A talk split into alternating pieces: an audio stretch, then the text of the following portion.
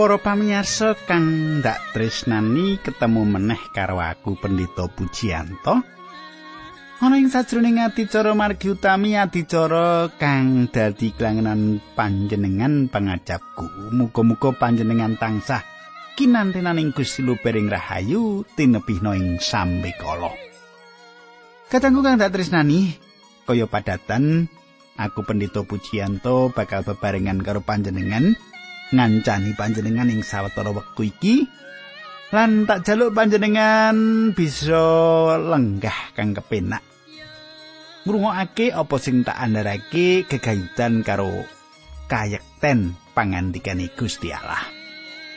Lan panjenengan pirsa pangandikane Gusti Allah iki kanggo ngiseni kosonge jiwa rohani kita sing marake kala-kala nek nemu sambe kala dadi nglokro ing urip Nanging nek atine jenengan diiseni dawuh pangandikane Gusti Sabda suci roti kaswargan bakal kuat lan teguh siap ngadepi apa wae kang nempuh urip panjenengan.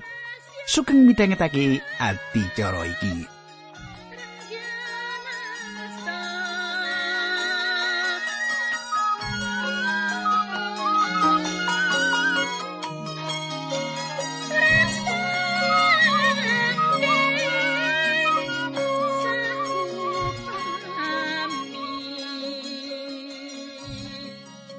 Katangku kang ndak tresnani.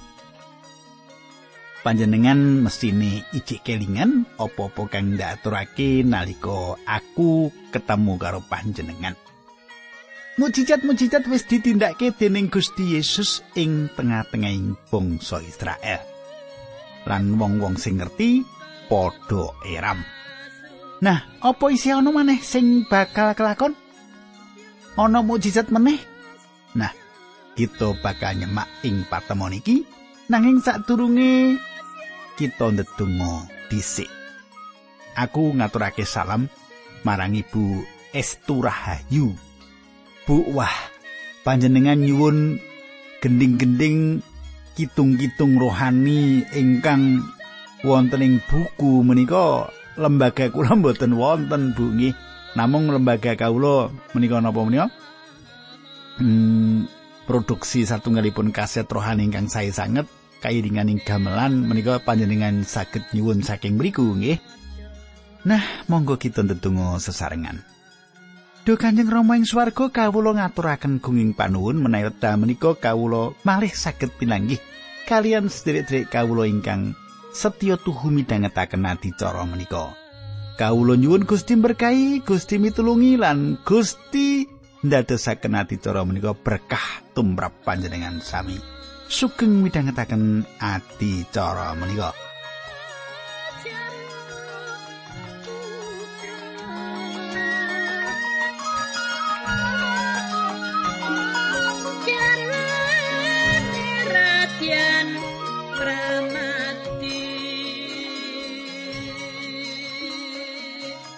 Katanggu kang dak tresnani saiki kita bakal ngudari lan gegilut apa kang dingentikake Gusti ing Injil Lukas pasal sing kaping songo. Kita bakal gegilut bakal sinau bakal ngudari merincih apa kang dipangendikake Gusti kang katulis ing Lukas bab songo. Saiki ayat siji mengkini surasani. Gusti Yesus nimbali rasule rolas nuli diparingi kasekten lan panguwasa nundungi demit lan marasake lara. Tekan semono aku maca. Katanggu iku mau kabeh.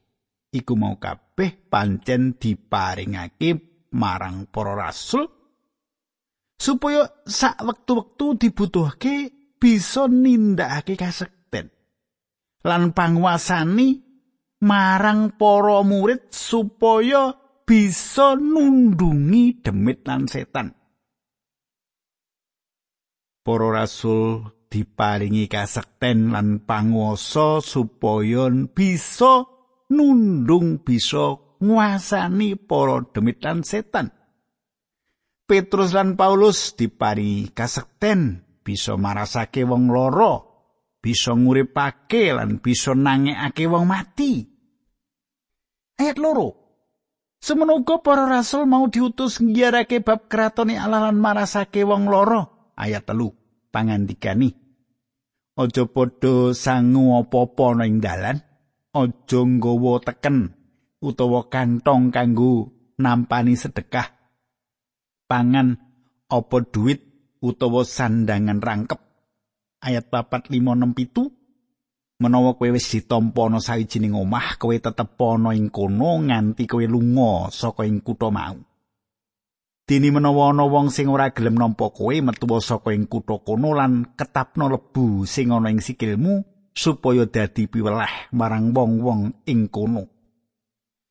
Para rasul nuli padha mangkat nyebar pawarta Injil ana ing ngendi karo marasake wong loro. Sang Prabu Herodes sing dadi raja ana ing tanah Galilea bareng mireng saking lelakon kuwi dadi bingung sebab ana wong sing kandha Nabi Yohanes Pembaptis wis urip meneh. Saiki kita terus ke ayat 8 lan 9. Wong liya maneh kandha yen Nabi Elia jumedul meneh. Wong liya maneh kandha yen salah sawijining nabi jaman kuno urip meneh. Sang Prabu Herodes ngunandika Yohanes wis tak tigas gulune. Lah wong iki sapa? Aku krungu wartane yen wis nindakake perkara rupa-rupa. Mulane Sang Prabu Herodes tang sangudi bisane ketemu karo Gusti Yesus. Kadangku ora ana meneh liyane sing kudu tanggung jawab bab matine Yohanes Pembaptis kejaba Raja Herodes. Patine Yohanes Pembaptis kuwi sing nanggung jawab Herodes. Markus nulis ing Injile yen Herodes wedi marang Gusti Yesus jalaran diarani yen Yohanes Pembaptis bali urip meneh. Saiki Lukas bab songo ayat 10 nganti ayat 13. Mengkini surasani. Bareng para rasul wis padha bali saka nggone ditus dening Gusti Yesus nuli padha nglaporake marang panjenengani apa sing wis padha dilakoni. Gusti Yesus nuli ngajak para rasul nyingkir menyang kutha Betsaida. Nanging bareng wong akeh padha krungu yen Gusti Yesus lan para rasul padha tindak mrono nuli padha nututi. Wong kabeh mau padha ditampani dening Gusti Yesus lan padha diwulang bab kratone Allah dene sing padha nandang leloro padha diwarasake. Bareng wis sore para rasul rolas nuli padha sowan ngarsane Gusti Yesus sarta matur, "Gusti, menapa mboten prayogi menawi tiang-tiang menika panjenengan dawuh kisah kemawon supados sami saged pados tetedan lan pasi ing dusun-dusun sakiwa tengen ngriki awet ing ngriki panggenanipun sepen. Ayat 13 pangandikane Gusti Yesus ora kowe wae sing padha meneh ana mangan. Ature para rasul mau kula namung sami gadah roti gangsa sarta ulam kalih kejawi menawi kula kautus tumbas tetedan kangge tiang menika sedaya. Kadangku Gusti Yesus nganti para murid kanggo ngaso nanging golek wektu senadan mung sedilo wae ora bisa. Para murid malah ora bisa empan papan ndadak malah atur pamrayoga marang Gustini sing maha wikan. Gusti Yesus ora merlokake pamrayoga, mengko uga kanggo kita. Gusti Yesus ora merlokake sumbangan pikiran kita. Panjenengan kudu ngati-ati iki. Nah saiki Lukas 9 ayat 14 nganti 15. Sing kumpul ana ing kono wong lanang wae kira-kira ana 5000. Gusti Yesus banjur ngendika marang para rasul mau. Wong akeh kuwi konon lungguh sak ponro-ponro, sak pandane kira-kira wong seket. Para rasul ning nglakoni apa sing didhawuhake dening Gusti Yesus wong kabeh padha dikon lungguh. Katangku, pungkasani kabeh para murid mbangun turut apa sing didhawuhake Gusti Yesus marang para murid. Ora ana sing badal dawuh, mboten ngaten Gusti, kedahipun ngaten ngaten ngaten. Ora, kabeh mbangun turut apa sing didhawuhake Gusti. Saiki Lukas 9 ayat 16 Gusti Yesus nuli mundut roti limo lan iwak loro mau banjur tumenggo ing langit lan ngaturake donga panuwun marang Gusti Allah. Roti-roti nuli dijual-jual semono iwak loro mau nuli diparingake marang para rasul supaya didumake marang wong akeh. ayat 17 nganti 18. Wong kabeh padha mangan nganti wareg, para rasul ngumpulake sisa sing ditinggal dening wong-wong akeh rolas tenggok kebak. Ing sawijining dina nalika Gusti Yesus lagi netunggo piyambakan, para sekabate padha suwane ngarsane nuli padha didangu. Manut kandhane wong-wong, aku iki sapa? Kadangku kang ndak tresnani. Kita kudu terus nyinau apa kang dadi kersane guru kita yaiku Gusti Yesus Kristus kaya kang ditindakake dening para murid nalika duk jaman semono. Kala-kala Gusti Yesus bisa ndhawuhake apa sing mokal kita lakoni. Secara nalar kita ora bisa dilakoni. Nanging sinadyan kita ora bisa nglakoni Gusti Yesus tetep paring dawuh. Tindakno. Katengku pangandikane Gusti senadyan katon reneh. Nanging iku mau sing dikersakake dening Gusti Yesus mula saka iku kita wajib nglakoni. Kudu enggak dilakoni apa sing dadi dawuh Gusti Yesus Kristus. Coba semak ayat 19 nganti selikur. Wangsulane para sekabat wonten ingkang mestani panjenengan menika Nabi Yohanes Pembaptis. Nanging wonten ugi ingkang sanjang pilih panjenengan menika Nabi Elia. Lajeng wonten malih tiang ingkang carios pilih panjenengan menika salah setunggaling nabi ing jaman kino ingkang wungu saking situ. Gusti Yesus nanggung meneh, "Lah yen kowe dhewe aku iki sapa? Wangsulane Petrus panjenengan menika Sang Kristus utusanipun Allah. Para sakabat diwanti-wanti mengkini. Aja pisan-pisan bab iki kok kandhake marang wong liya. Kadang Gusti Yesus kepingin perso. Kaya ngopo pikiran sing ana ing drone sirahe para murid Ya kuwi babagan sapa to sejatine panjenengan iki manut pikirane, manut pengakone para murid iki. Kersane apa?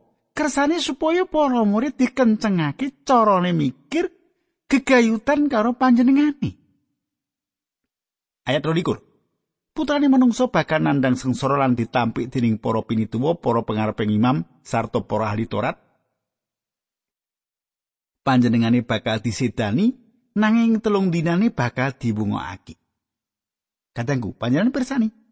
Gusti Yesus ora tau ngendika bab sedane tanpa ngendikake wungune saka antarane wong mati. Ayat 23 nganti ayat 26. Gusti Yesus nuli ngendika marang wong kabeh.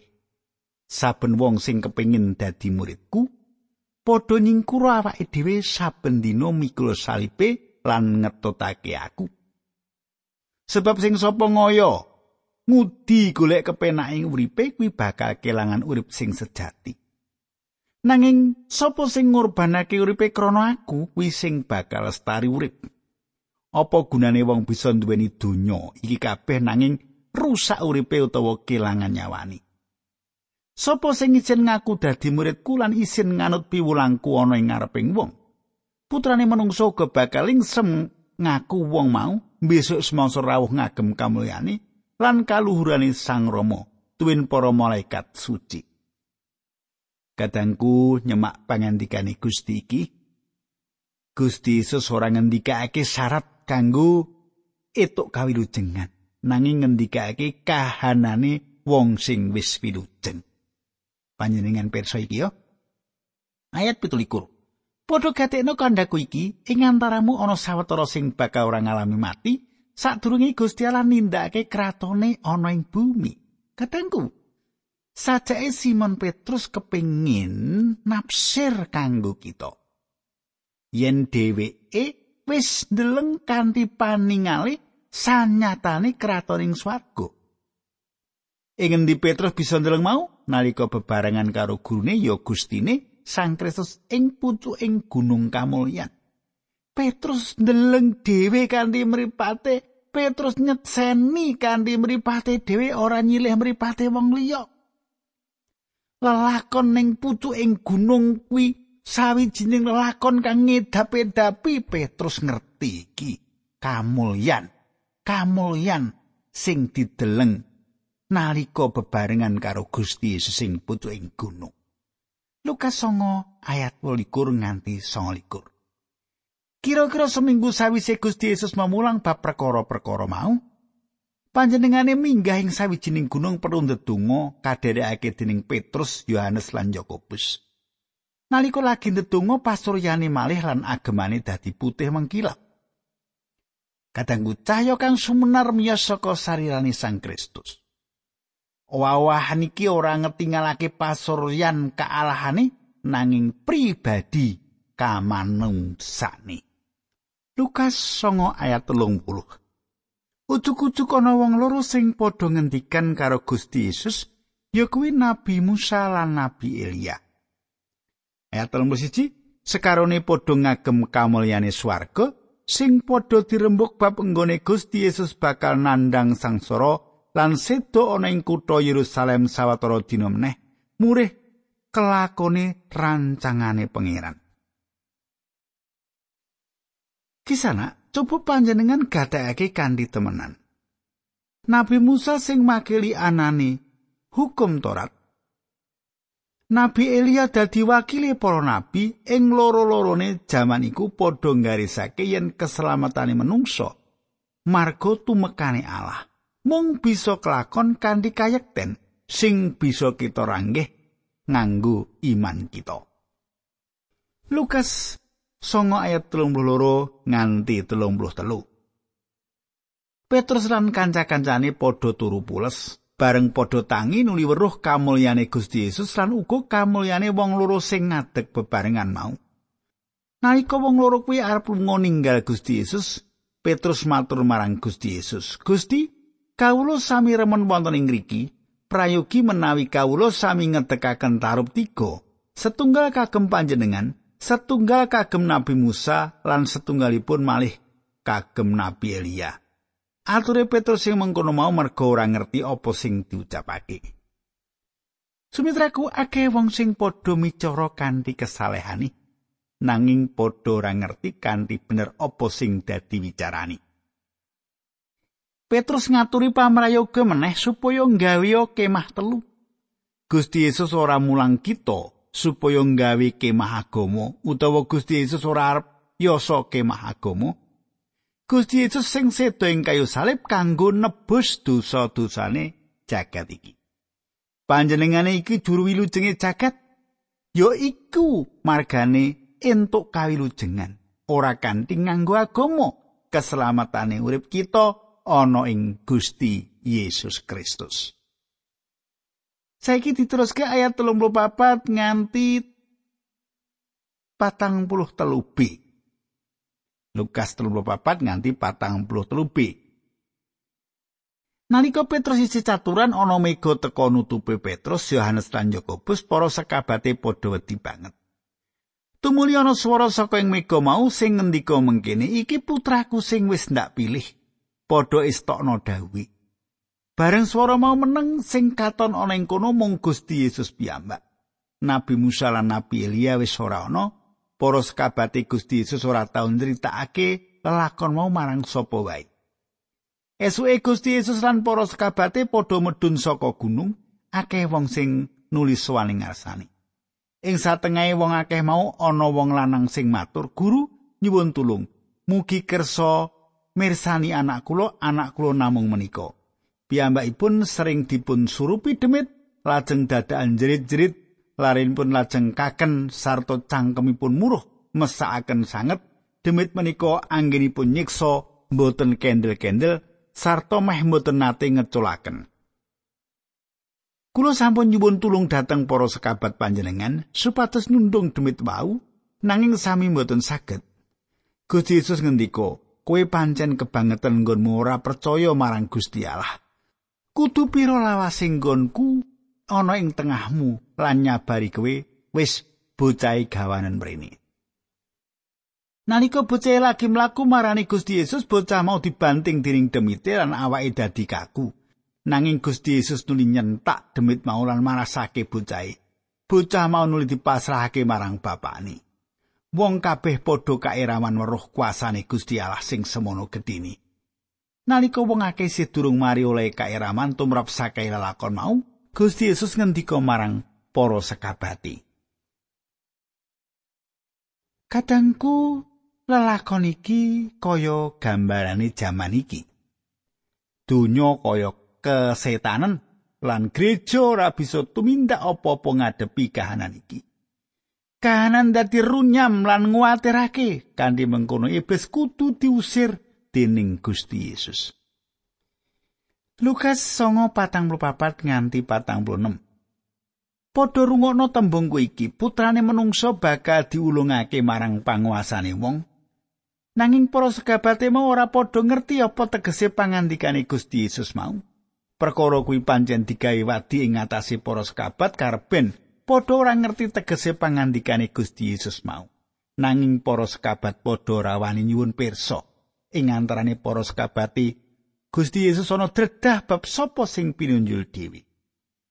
Sumitraku para murid ora dadi andhap alsorat ini, nanging malah dadi wong sing ambisius. Kepengin agi-agi kepengin dadi sing paling pinunjul. Para murid ngalap berkah kamulyani lan ora melu maneh marang kasang sarane salib kadangku kabeh kepengin kepenak kabeh kepengin pinunjul kabeh kepengin nguasani wong liya. Nanging meh kabeh ora gelem nampani kasang saraning salib. Kepiye panjenengan apa panjenengan ana gereja ya mung ngono kuwi kepengin kepenak ning nek kon rekoso moh. Seneng tudang tuding wong liya kon rekoso nang awake dhewe lungguh kepenak. Panjenengan kurang anda pasor Lukas songo ayat patang puluh nganti patang puluh wolu. Gusti Yesus perso sing lagi padha dipikir mulane nuli nimbali bocah cilik siji didawi ana ing sandingi. Gusti Yesus tuli ngendika marang para sekabat sing sapa nampani bocah cilik iki atas saka jenengku, kuwi aku sing ditampani lan sing sapa nampani aku, kuwi dadi uga nampani sing ngutus aku. Awit sapa sing cilik dhewe ing antaramu kabeh, kuwi sing gedhe dhewe. Kadangku para wong suci sing pinunjul malah ora dikenal dening gereja, nanging tanpa mandek terus makaryo kanthi kasetyan ngladosi panjenengani Sang Kristus. Lukas songo ayat patang puluh songo nganti ayat seket papat. Mangkene surasani. Rasul Yohanes matur marang Gusti Yesus, Guru, kawula sumerep tiang nundung demit atas asma panjenengan lajeng kula penging awit tiang mau sanes patungilan kita. Gusti Yesus ngendika aja kok penging sebab sapa sing ora nglawan marang kowe kuwi sarujuk. Barang wis cedhak dina nggone Gusti Yesus bakal kundur menyang ing swarga, panjenengane menggalih arep tindak menyang kutha Yerusalem. Nuli ngutus wong sawetara ndisi tindake wong-wong mau banjur padha mangkat lan mlebu ing salah sawijining desa ing tanah Samaria. Ana ing kono para utusan mau arep padha nyawisake samubarang kagem Gustini. Nanging wong-wong ing desa kono padha ora gelem nampani rawe Gusti Yesus sebab cetha yen tindake Gusti Yesus lan para sekabate kuwi arep menyang kutha Yerusalem. Nalika sekabat loro Yakobus lan Yohanes weruh sing mengkono mau, nuli matur marang Gusti Yesus, "Gusti, menapa kepareng kawula sami nyuwun supados tiang-tiang menika dipun sambar mledhek kajengipun sirna?" Katangku, wong-wong Samaria padha nampik rawe Gusti Yesus. Yohanes sing biasane tansah katon anggun lan jatmika nanging wektu iku wektu gustine ditampik wektu gustine ditolak banjur muntap nesune marang wong Samaria nganti dheweke matur Gusti menapa kepareng kawula sami nyuwun supados tiang-tiang menika dipun sambar bledek kajengipun sirna tak terus kaya 55 nganti 56 Nanging Gusti Yesus noleh marang sekabat-sekabat mau sarta padha didukani. Gusti Yesus lan para sekabat nuli ngajengake tindake menyang desa liya. Katangku Sepanjure Gusti Yesus nilarake panggonan kono diderekake para murid. Ing desa liyane ketemu karo wong-wong sing kepengin dadi murid Gusti Yesus, ana nom-noman sing sak ngadeg saknyet kekarepane nuruti kepinginane ati wae. Ayat 57 nganti 58. Nalika padha mbacetake lagune menyang desa liyane mau, ana wong matur marang Gusti Yesus mengkene, "Guru, kawula badhe nderek dhateng pundi kemawon tindak panjenengan?" Pangandikane Gusti Yesus, "Asu ajek padha duwe rong lan manuk padha duwe susuh." nanging putrane menungso ora kagungan papan kanggo nyelehake mestakane. Gusti Yesus banjur ngendika marang wong liyane, "Melu aku." Nanging wong mau mangsuli Gusti, "Keparenga kawula kesah rumiyin ngubur bapak kula." Ayat 7. Pangandikane Gusti Yesus, "Wis ben wong mati padha ngubur pepadane wong mati, nanging kowe kuwi lunga lan martakno Injil yen kratone Allah wis wiwit ditindakake." Kadangku pancen ana sing kepengin nderek manjing dadi murid nanging jarene arep ngubur bapakne dhisik. Ayat iki ora ngandhakake yen Gusti Yesus ora ngeparengake wong mau ngubur wong tuane. Satemene wong iki isih ngrumat wong tuane ngenteni nganti wong tuane tekan titi panci ketimbalan. Nalika ana kedadian sing kudu dipilih katresnan marang sak pepadane apa tresno marang Gusti Yesus, kudu milih salah siji.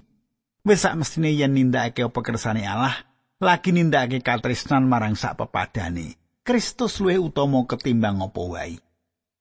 Lukas 9 ayat 11 lan ana meneh wong sing matur marang Gusti Yesus, "Guru, kawula badhe nderek panjenengan. Nanging keparenga kawula wangsul pamitan rumiyin kalian bayat kawula." Ayat loro. Nanging Gusti Yesus ngendika wong sing wiwit mluku mongko noleh ndeleng sing ana ing buri, wong kuwi ora pantes ana ing kratoning Allah. Wong telu sing kepingin dadi murid Kristus durung bisa ninggalake tali katresnane marang keluarga lan liya-liyane. Manjing dadi murid Kristus iku ateges pasrah urip sabutuwi, makarya kagem kaluhurane Sang Kristus. Monggo kita ndedonga. Kanjeng Rama ing swarga kawula matur nuwun dinis wekdal menika kawula saged midhangetaken kayektosan pangandikan paduka. Berkahi para sanak kabeh kawula nika dinambaran asmanipun Gusti Yesus kawula tunggu. Amen